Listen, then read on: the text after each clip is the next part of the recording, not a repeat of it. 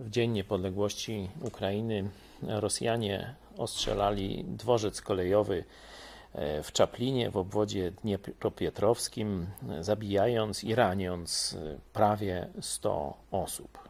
To kolejna zbrodnia wojenna Rosjan na Ukraińcach, na cywilach ukraińskich. To pokazuje, że ten naród ma barbarzyństwo jakieś wewnętrzne, w swojej istocie, immanentne, bo ktoś oczywiście ten rozkaz wydał. Może być jakiś tyran, wariat i tak dalej, ale potem ten rozkaz przed głównodowodzących, mniejszych dowodzących i tak dalej do oficerów i żołnierzy dotarł, a potem jeszcze cały naród temu przyklaskuje. W tym sensie wszyscy Rosjanie są współwinni tych strasznych zbrodni. To kieruje mnie do wniosku, że warto pamiętać, że nie wszystkie narody są jednakowe na takim samym stopniu rozwoju, jeśli chodzi o zmierzanie ku Bogu i dobru.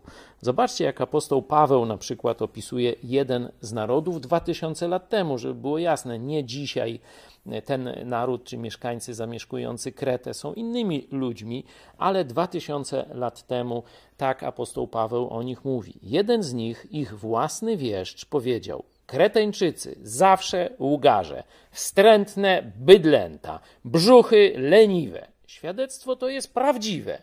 Dla tej przyczyny karć ich surowo, ażeby ozdrowieli w wierze. To jest list do Tytusa, pierwszy rozdział, 12-13 werset.